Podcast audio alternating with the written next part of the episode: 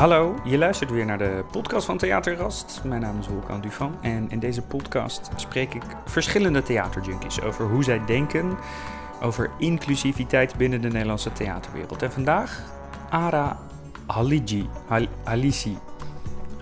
Halici. En als je het zou zeggen op zijn Turks, is het Halije. Toneelspeler, musicalacteur. En volgens jouw eh, Wikipedia-pagina heb je in 26 verschillende voorstellingen gespeeld.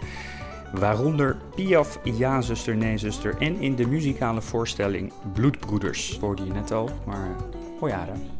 Hi, goedemiddag.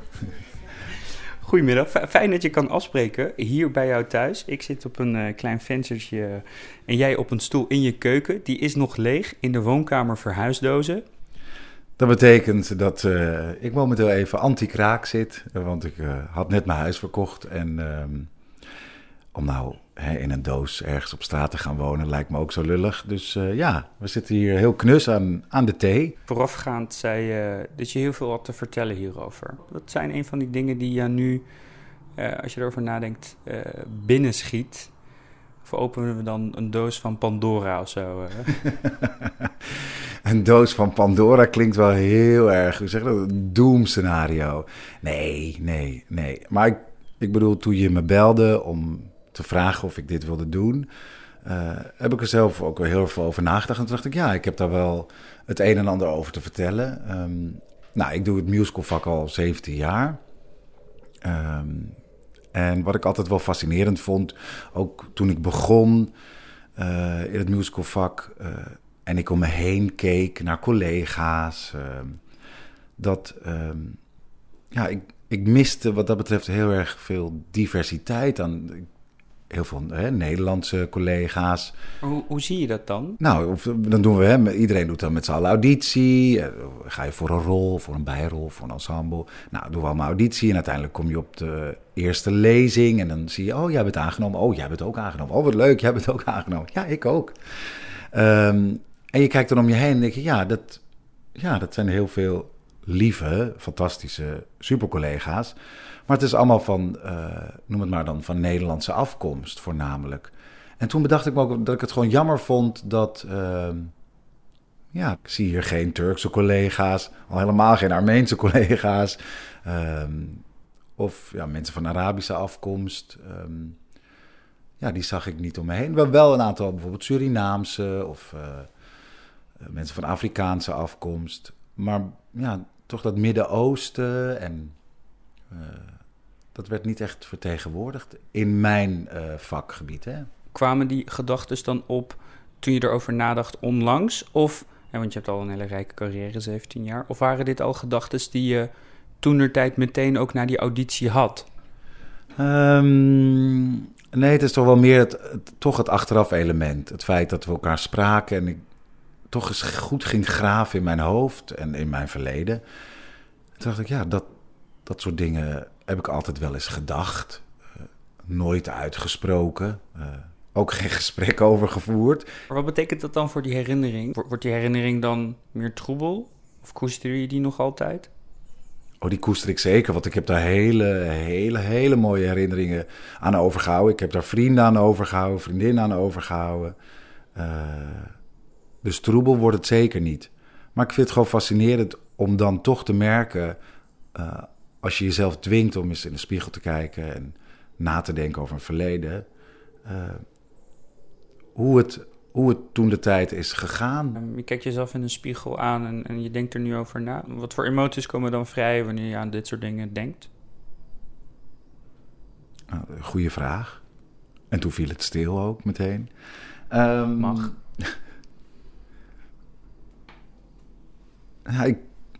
Het is niet dat er specifieke emoties boven komen. Het is niet van, eh, hè, waarbij bijvoorbeeld Shaban heel kwaad wordt of... eh, nee, dat, dat heb ik dan weer niet.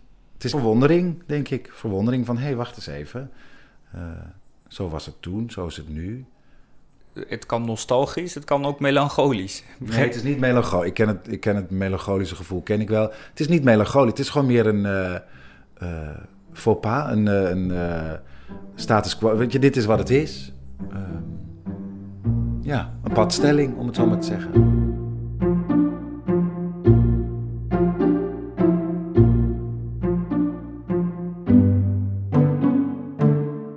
Vroeger dacht je er niet zozeer over na, nu met terugwerkende kracht wel.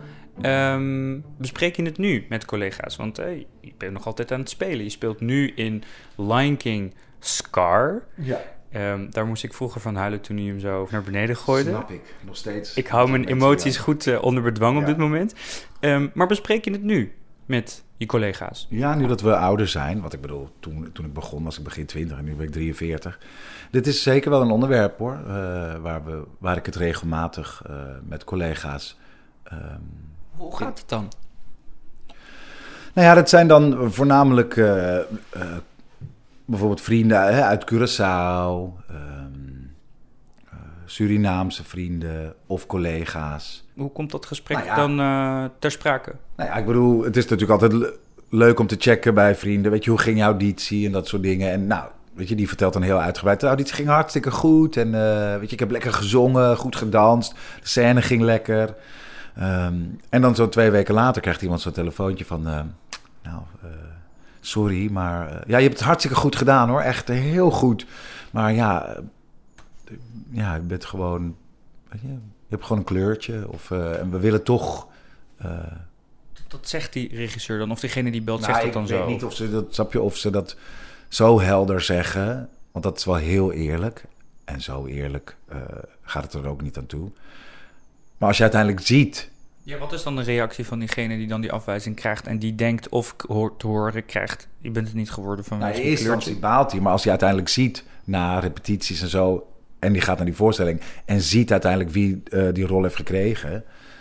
eh, weet je, dan maakt hij natuurlijk de klik in zijn hoofd van... nou, weet je, daar heeft het gewoon mee te maken. En heb je die gesprekken met zowel je Nederlandse collega's met migratieachtergrond als je Nederlandse collega's met, laat ik het noemen, Nederlandse achtergrond? Ik zit er wel heel snel te denken, maar ik kan me denk ik nog wel een paar gesprekken voor de hand houden met een aantal kennissen.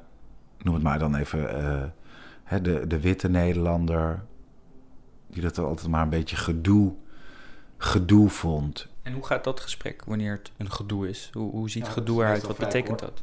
Vrij kort, ja, gedoe. En dan denk je, nou, gedoe. Ik bedoel, je snapt toch wel dat dat vervelend is. Nou, ik, ik heb het gevoel dat ik een beetje zo in het midden sta. Wat ik wil dat men begrijpt waarom het voor een ander vervelend is als u op basis van eh, cultuur of kleur of niet-Nederlandse achtergrond wordt afgewezen, terwijl iemand gewoon wel competent is. Wat is de reactie dan als jij tegen de Nederlandse kennis zegt van... Nou, eh, moet je dat wel gedoe vinden? Wat zegt hij dan? Of zij? Ik je moet ook gewoon af en toe zin hebben in discussie. En ik heb niet altijd even veel zin in discussie. Dus dat is soms ook gewoon een vuurtje wat gewoon zo... Wat heel, weer heel snel dooft. Eh, en dan ga ik niet eh, zo tegen heilige huisjes de hele tijd lopen trappen van... Nee, je moet nu zeggen wat je vindt en, je moet me gelijk geven. Of je moet... Nee, dat is dan soms gewoon een kort gesprek. En met sommige mensen gewoon een heel interessant, eh, inspirerend lang gesprek. Dat verschilt ook van persoon tot persoon. Wat zijn dan de punten waardoor je geïnspireerd raakte? Nou ja, dat iemand gewoon durft te zeggen van ja, origineel. Bepaalde dingen zijn natuurlijk geschreven. Een musical script is geschreven.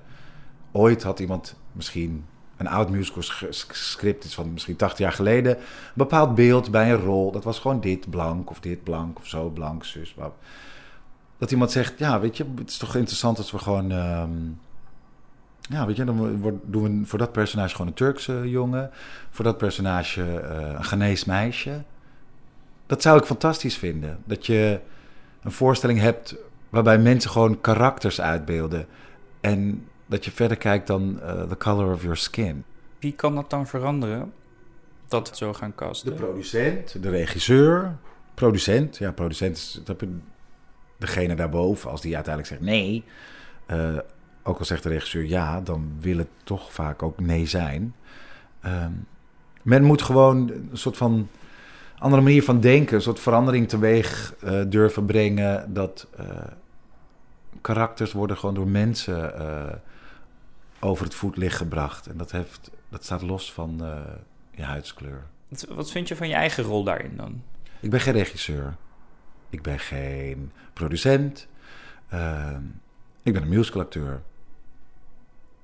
Dus wat, snap wat kan ik in die zin bewerkstelligen, moet ik heel fel worden op Facebook of eh, ik ken een aantal collega's, die, zijn heel fel. En dan denk ik, nou, good for you. Maar dat zijn een beetje de mensen die op de barricades, echt op de barricades staan. Dat ligt gewoon niet in mijn karakter. Which is fine. Ik heb andere, heb je andere karaktertrekken die heel positief zijn.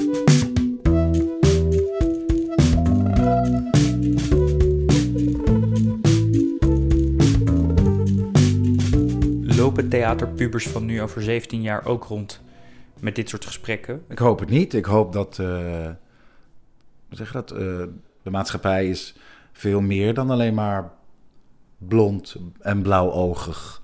Uh, en ik ben gek op blond en blauwogig. Begrijp me niet verkeerd. Maar ja, ik zou er wel van houden als ik gewoon meer, gewoon net als, net als in een ijswinkel, meer smaken. Ik wil meer smaken proeven, meer smaken zien. We we hebben dit gesprek nu, je hebt het verhaal verteld. En nu? Wat is de conclusie als je ja, alles gewoon nu wat we tot nu toe tegen elkaar hebben gezegd bij elkaar optelt? De conclusie. De conclusie is denk ik gewoon dat we er nog lang niet zijn. Ehm, eh, dat veel meer mensen de mogelijkheid moeten krijgen om uh, diverse plekken, zij het toneel, opera, musical, te kunnen bekleden dan dat er nu het geval is. Um, ja, maar het begint, het begint boven. Het begint bij een producent. Het begint bij een regisseur. Die moet durven zeggen: Ik wil het gewoon net iets anders. Dat moet over 17 jaar dan veranderd zijn. Nou, moeten, moeten, moeten. Ik hoop het. Ik hoop het. Ik bedoel, het belangrijkste is dat we gewoon, weet je, erover blijven praten. Want mensen inspireren andere mensen. Verhalen inspireren andere mensen. Um, en dat dus- hebben we nu in ieder geval uh, geprobeerd te doen. Dankjewel, Ara. Nou, graag gedaan. De nieuwe afleveringen die nog komen gaan, luister je iedere derde dinsdag van de maand en wel via Spotify, iTunes en Soundcloud. Hadi bye bye.